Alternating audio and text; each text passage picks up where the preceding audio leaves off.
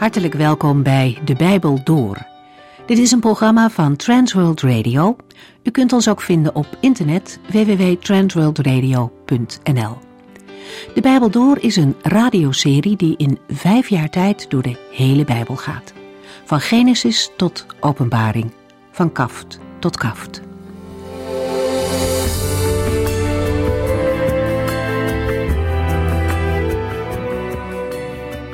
We zijn in deze serie bezig met de zeven brieven uit Openbaring, hoofdstuk 2 en 3.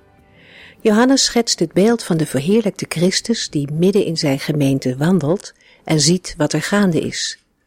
Hij geeft Johannes opdracht om brieven te schrijven. En daarin lezen we over de goede dingen die de Heer ziet, maar er zijn ook vermaningen. De Heer weet precies wat er gaande is in zijn gemeenten en hij laat weten waar ze de fout in gaan. Het is een oproep van de Heer Jezus Christus zelf om terug te keren en de goede weg te bewandelen. De gemeente van Efeze was heel trouw gebleven. Er was volharding en men was niet moe geworden om te arbeiden voor de Heer. De valse leer die sommigen probeerden in te brengen was door hen ontmaskerd. En toch ontbrak er wat. Ze waren namelijk hun eerste liefde voor de Heer kwijtgeraakt. En in alle ijver kan dat gebeuren. Ook wij kunnen zo druk zijn dat we de Heer zelf uit het oog verliezen. Maar dat is niet zijn bedoeling. De verbintenis tussen de Heere en zijn gemeente is allereerst een liefdesverbintenis. Liefde die twee kanten op gaat. Van de Heer naar de gemeente, maar ook andersom. En hoe vreemd het ons ook misschien in de oren mag klinken, we zien dat de Heere er naar verlangt, naar onze liefde. Hij houdt van ons en hij wil ook graag dat wij van hem houden. In het Oude Testament komen we dat ook tegen. We hebben daar de pijn van God gezien als Israël zijn volk overspel pleegt met afgoden en de Heere verlaat. In Openbaring 2 vraagt de Heer om terug te gaan naar die eerste liefde. Dat is een liefde die helemaal vol is van de Heere Jezus. Een liefde die zichtbaar wordt in de onderlinge liefde in de gemeente. Er waren mensen in de gemeente die de waarheid wilden aanpassen aan hun eigen denken. Dat was niet gelukt, maar het bracht wel onderlinge verdeeldheid in de gemeente met zich mee. En nu roept de Heer zelf hen op tot drie dingen. Allereerst, bedenk waar u van afgevallen bent. Vervolgens, keer terug en tot slot, doe dezelfde dingen als vroeger. We lezen nu verder in de brief die naar de gemeente in Smyrna ging.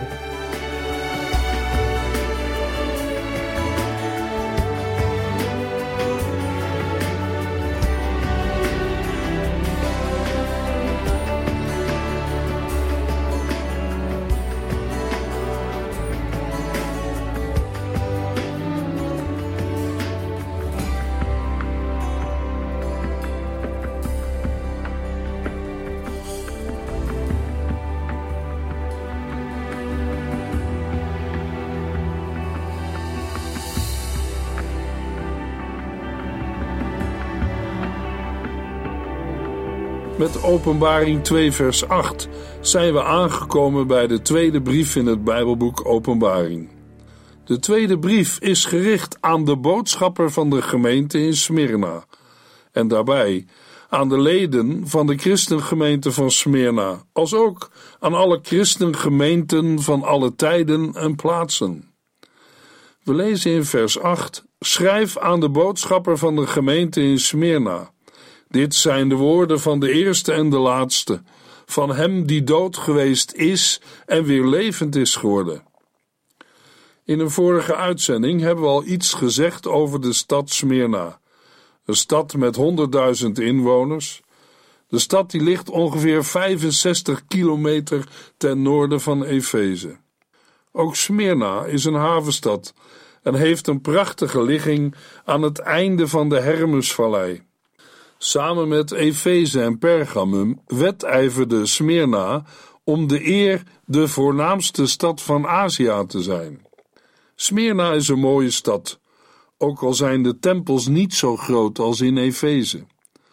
Door de Hermesvallei loopt een belangrijke handelsroute naar het oosten. Het achterland is erg vruchtbaar. De wijn uit de streek is goed en beroemd.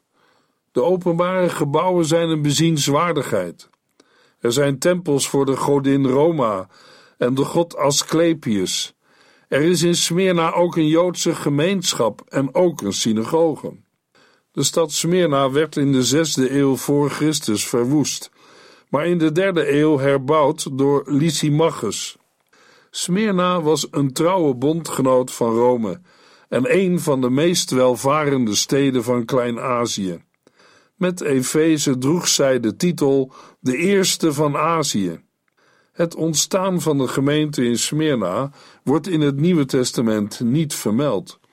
Maar we mogen aannemen dat dit gebeurde tijdens de tweejarige bediening van de apostel Paulus in Efeze. We lezen in Handelingen 19, vers 8 tot en met 12.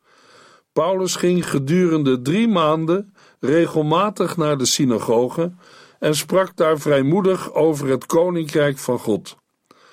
Hij voerde veel gesprekken, waarbij hij probeerde de mensen te overtuigen. Maar toen sommigen van hen koppig weigerden hem te geloven en het nieuwe geloof openlijk bespottelijk maakten, keerde Paulus zich van hen af en nam de christenen uit de synagoge mee. Van toen af sprak hij elke dag in de school van Tyrannus. Dit deed hij meer dan twee jaar, zodat alle inwoners van de provincie Azië, zowel Joden als Grieken, over Jezus hoorden. God deed door de handen van Paulus buitengewoon grote dingen. De mensen brachten zelfs de zweetdoeken en gordeldoeken die hij gebruikt had naar de zieken. Die genazen dan en boze geesten gingen uit hen weg.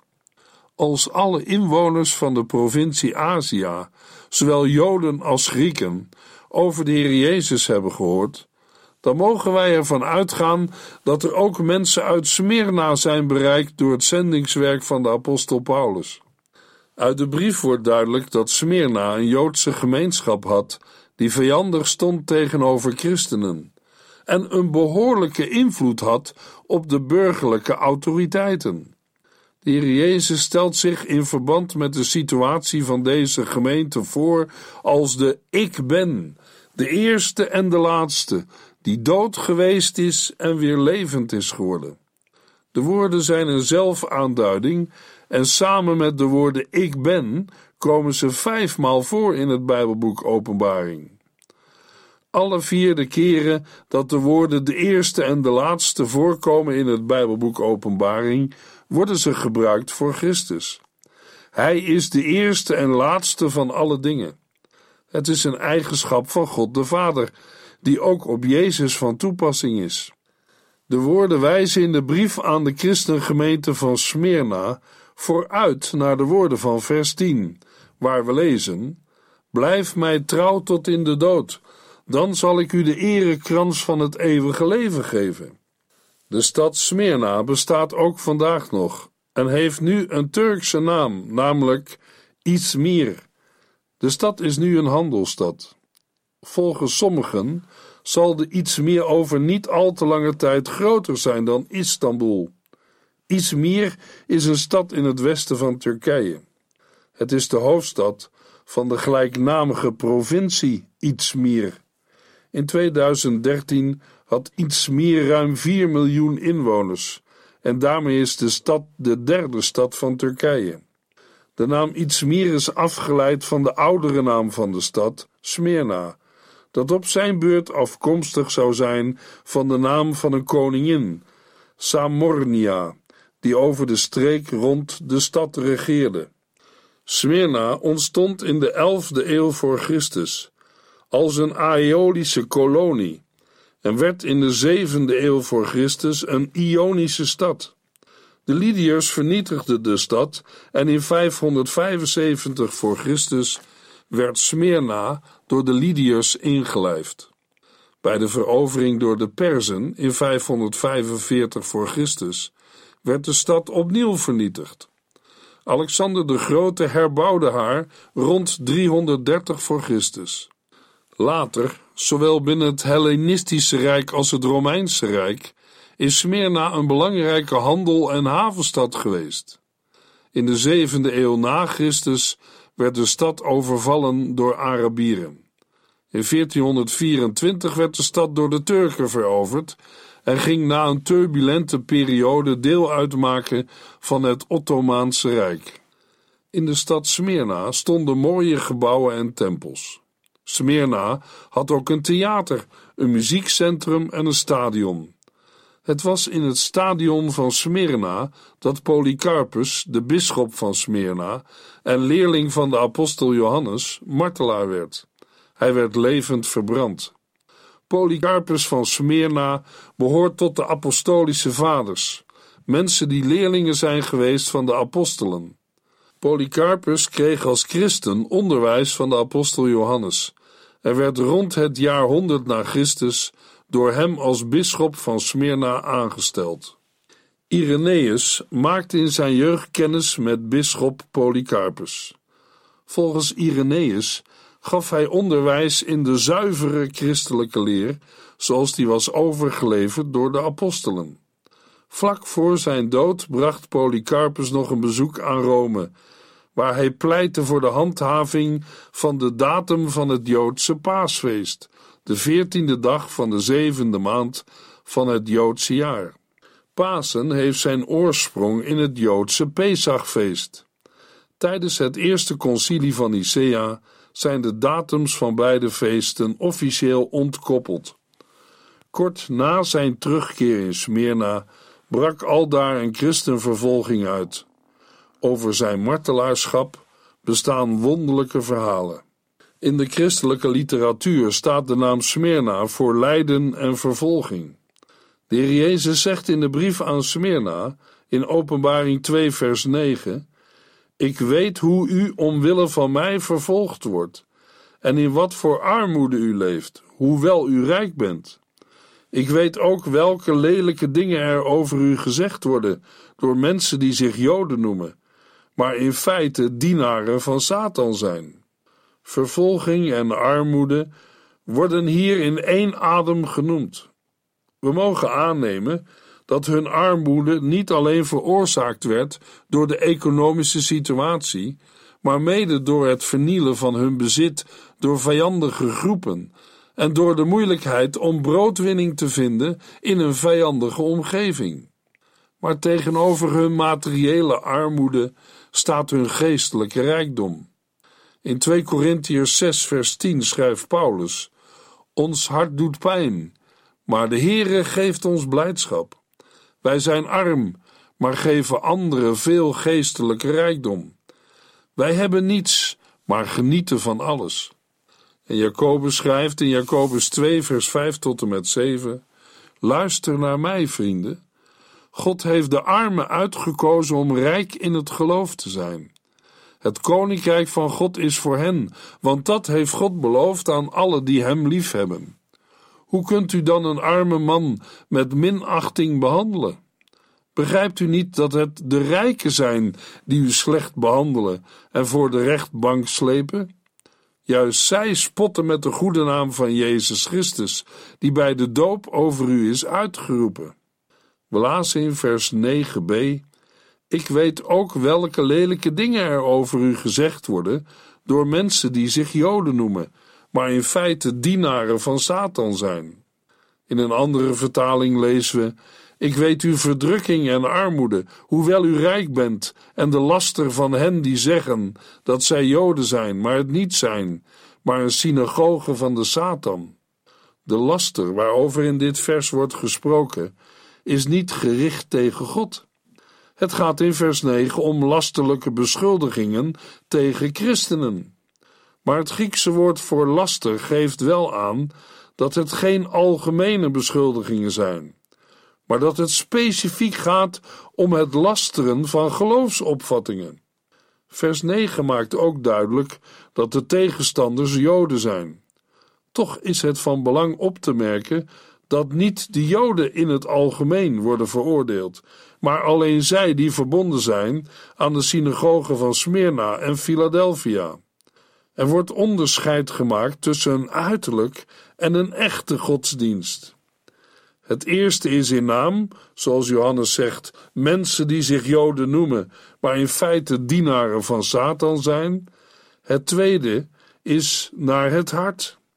We lezen in Romeinen 2, vers 28 en 29 dat u als Jood geboren bent en volgens Joods gebruik besneden wil nog niet zeggen dat u een echte Jood bent. Nee, een echte Jood is iemand die zich in zijn hart met God verbonden heeft. Het gaat er niet om of u lichamelijk besneden bent, maar of uw hart en gedachten voor God geopend zijn. Dat is besnijdenis door de geest, niet volgens de letter van de wet. Iedereen die zo'n levensverandering heeft ondergaan, krijgt zijn eer van God, niet van mensen. Ter aanvulling lezen we in Filippenzen 3, vers 3: Want door dat snijden in uw lichaam maakt u het echt niet in orde met God. Waar het om gaat is dat wij God door de Heilige Geest aanbidden. Dan zijn we pas echt besneden. Wij beroemen ons op wat Christus voor ons heeft gedaan. De Joodse gemeenschappen kwamen ook in de Griekse wereld op sabbat samen in hun synagogen. Hoewel ze zelf zeggen een synagoge van de Here te zijn, worden de Joden van Smyrna in Openbaring 2 vers 9 door Jezus Christus dienaren van Satan genoemd, vanwege hun laster en oppositie. Zulke harde uitspraken werden in die tijd door Joodse groeperingen ook over elkaar gebruikt. Dat blijkt onder meer uit de gevonden dode zeerollen. Openbaring 2, vers 10. Wees niet bang voor wat u nog moet doormaken. De duivel zal sommigen van u in de gevangenis gooien om u op de proef te stellen. U zult tien dagen zwaar te lijden hebben. Blijf mij trouw tot in de dood, dan zal ik u de erekrans van het eeuwige leven geven. Wat de gemeenteleden van Smyrna wordt gezegd over wat zij nog moeten meemaken, is niet gelijk aan de wereldwijde beproeving waarin alle bewoners van de aarde zwaar op de proef worden gesteld, zoals we dat lezen in Openbaring 3 vers 10. In vers 10 is sprake van een beproeving die juist de gelovigen treft. Van het lijden door verdrukking en vervolging worden de gelovigen nog niet verlost. Maar wel ontvangen zij de troost worden: wees niet bang voor wat u nog moet doormaken. Want hun leven is in de handen van Hem, die ook lijden en verdrukking heeft ervaren en doorgemaakt, zelfs tot in de dood. Maar Christus heeft de duivel overwonnen en leeft voor altijd en eeuwig. De rebellie van de duivel is alleen nog toegestaan voor zover het de vervulling van Gods heilsplan dient. We lezen het in Openbaring 17, vers 17. Want God heeft hun het verlangen gegeven samen te werken en hun koninkrijk aan het beest te geven, totdat de woorden van God uitkomen. Daarmee vervullen zij, zonder het te weten, Gods plan. In Openbaring 17 lezen we dat er een onverwacht einde komt aan de macht van de hoer. Doordat de tien koningen en de antichrist, aanvankelijk haar medestanders, zich tegen haar keren en haar te gronden richten. Ten slotte zullen ze de stad met vuur verbranden, zoals keizer Nero de stad Rome in der tijd in brand heeft gezet. Aangezien het bij de hoer niet alleen om een stad gaat, maar ook om haar inwoners, om een volk, wordt in Openbaring 17 een burgeroorlog geschilderd tussen het beest en de tien koningen enerzijds en de hoofdstad van het antichristelijke rijk anderzijds. Het antichristelijke rijk van de eindtijd raakt verdeeld. De profeten in het Oude Testament voorzagen al een eschatologische situatie van chaos onder de vijanden van God, wanneer ieder het zwaard zou oppakken tegen zijn naaste. In Openbaring 17, vers 13 is de eensgezindheid waarmee de tien koningen hun volmacht aan het beest overdragen, iets dat God in hen heeft bewerkt voor zijn doel. We lazen totdat de woorden van God uitkomen. Dat wil zeggen, de profetieën met betrekking tot de val van Babylon. Daarmee vervullen zij zonder het te weten Gods plan. De verdrukking van de gelovigen wordt door de Heere gebruikt voor zijn doel. We in Openbaring 2, vers 10: De duivel zal sommigen van u in de gevangenis gooien, om u op de proef te stellen. U zult tien dagen zwaar te lijden hebben. Uit deze beproevingen blijkt namelijk wie de ware gelovigen zijn. Bovendien worden de ware gelovigen getroost met de belofte dat wat ze moeten doormaken en lijden betrekkelijk kort zal duren, namelijk tien dagen. Tien is mogelijk een toespeling op Daniel 1, vers 12 tot en met 15, waar wordt gezegd dat Daniel en zijn vrienden een proefperiode van tien dagen ondergingen. Het lijden houdt hier vervolging in. Sommige gelovigen zullen in de gevangenis geworpen worden. De gevangenis was in de oudheid niet een plaats van straf, maar een plaats waar mensen werden vastgehouden in afwachting van het vonnis. Iemand kon ook worden vrijgesproken. Maar gezien de vijandige situatie in Smyrna zal het vonnis eerder straf en zelfs de doodstraf inhouden.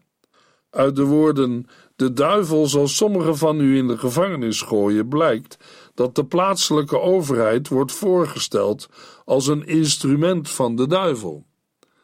Hij die trouw is tot in de dood, zal de erekrans van het eeuwige leven ontvangen.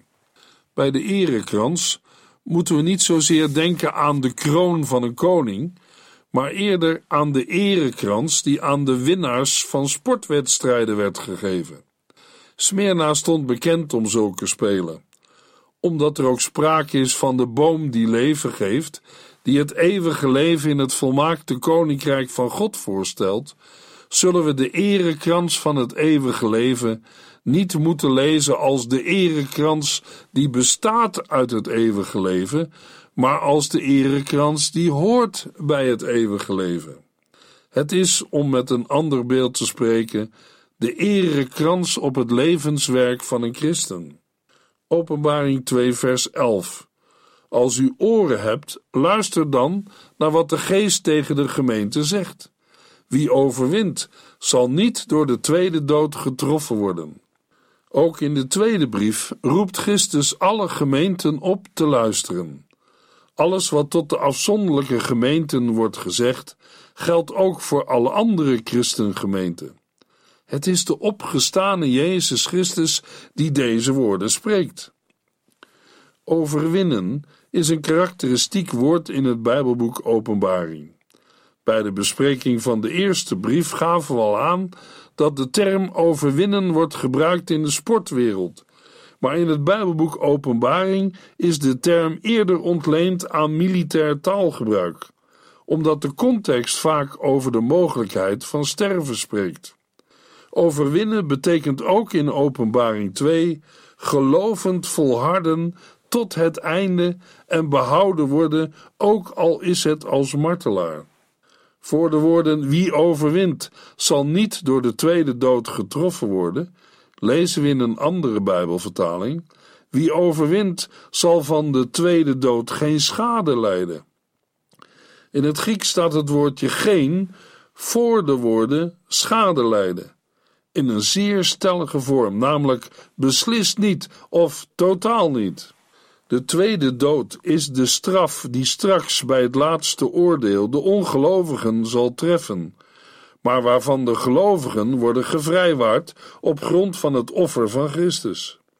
In Openbaring 20, vers 14 en 15 lezen we: Het graf en het dodenrijk werden in de poel van vuur gegooid. Dat is de tweede dood. Als iemands naam niet in het levensboek stond, werd hij in de poel van vuur gegooid. Het is een eeuwige dood. Het begrip komt terug in Openbaring 21, vers 8, waar dit lot van de verlorenen wordt beschreven als een zijn in het brandende zwavelmeer. Openbaring 2, vers 12. Schrijf aan de boodschapper van de gemeente in Pergamum: Dit zijn de woorden van hem die het scherpe, tweesnijdende zwaard heeft. Met vers 12 zijn we bij de derde brief aangekomen, die Johannes in opdracht van de Heer Jezus aan de christengemeente van Pergamum moet schrijven. Pergamum lag 15 kilometer landinwaarts ten opzichte van de Egeïsche Zee en was een belangrijk centrum van de godsdienstige cultuur van Klein-Azië. De stad had in de derde en tweede eeuw voor Christus een belangrijke politieke positie ingenomen. Het was een van de eerste steden met een openlijke aanbidding en cultus voor de Romeinse keizer. Al in het jaar 29 voor Christus was er in Pergamum een tempel gebouwd voor Octavianus, de latere keizer Augustus. Over het aantal inwoners ten tijde van het Nieuwe Testament lopen de meningen uiteen. Het moet ergens liggen tussen de 120.000 en 200.000 inwoners. Ter vergelijking noem ik het aantal inwoners van Jeruzalem ten tijde van het Nieuwe Testament. Het wordt geschat op 100.000 tot 120.000 inwoners. Over het ontstaan van de christelijke gemeente van Pergamum kunnen we niets met zekerheid zeggen. De Heer Jezus maakt zich aan Pergamum bekend als de hemelse rechter. Dat blijkt uit een vergelijking van Openbaring 2 vers 12 en Openbaring 19 vers 15, waar we lezen over de ruiter op het witte paard.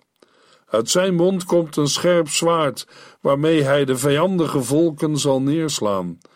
Hij zal hen met een ijzeren staf regeren en hen vertrappen in de wijnpers van de grimmige toorn van de Almachtige God.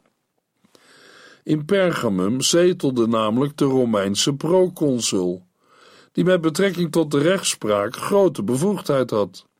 De christenen hadden daaronder te lijden. Antipas was al als martelaar gestorven. In vers 13 noemt de Heer Jezus hem mijn trouwe getuige Antipas. Hij werd in Pergamum vermoord. Antipas is de verkorte vorm van Antipatros. Het was de naam van een christen uit Pergamum die zijn geloof in de Heer Jezus met de dood moest bekopen. In Openbaring 2, vers 13 zegt de Heer Jezus van hem: Mijn trouwe getuige. Ook de zoon van Herodes de Grote, in het Nieuwe Testament, Herodes de gouverneur van Galilea genoemd, droeg de naam Antipas.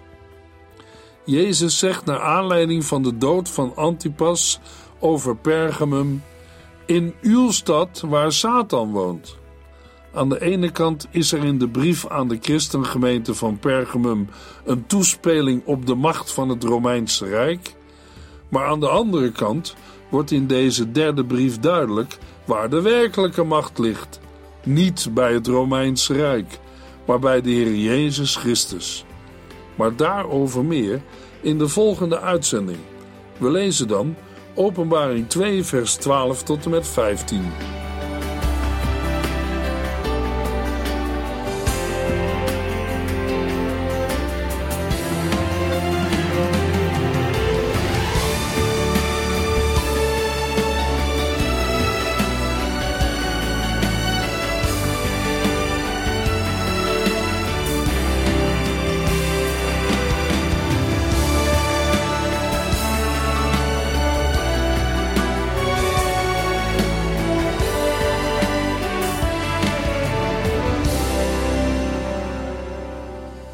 Eindigt deze aflevering van De Bijbel Door.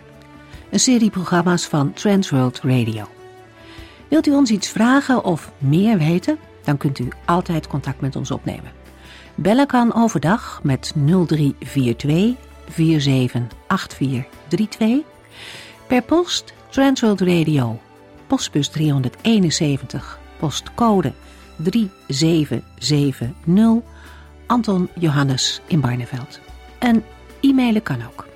De Bijbel door at transworldradio.nl En natuurlijk ook via onze website transworldradio.nl Dit programma werd gepresenteerd door Cor Weda en Ike André. En namens iedereen die er nog meer aan meegewerkt heeft, graag tot de volgende keer.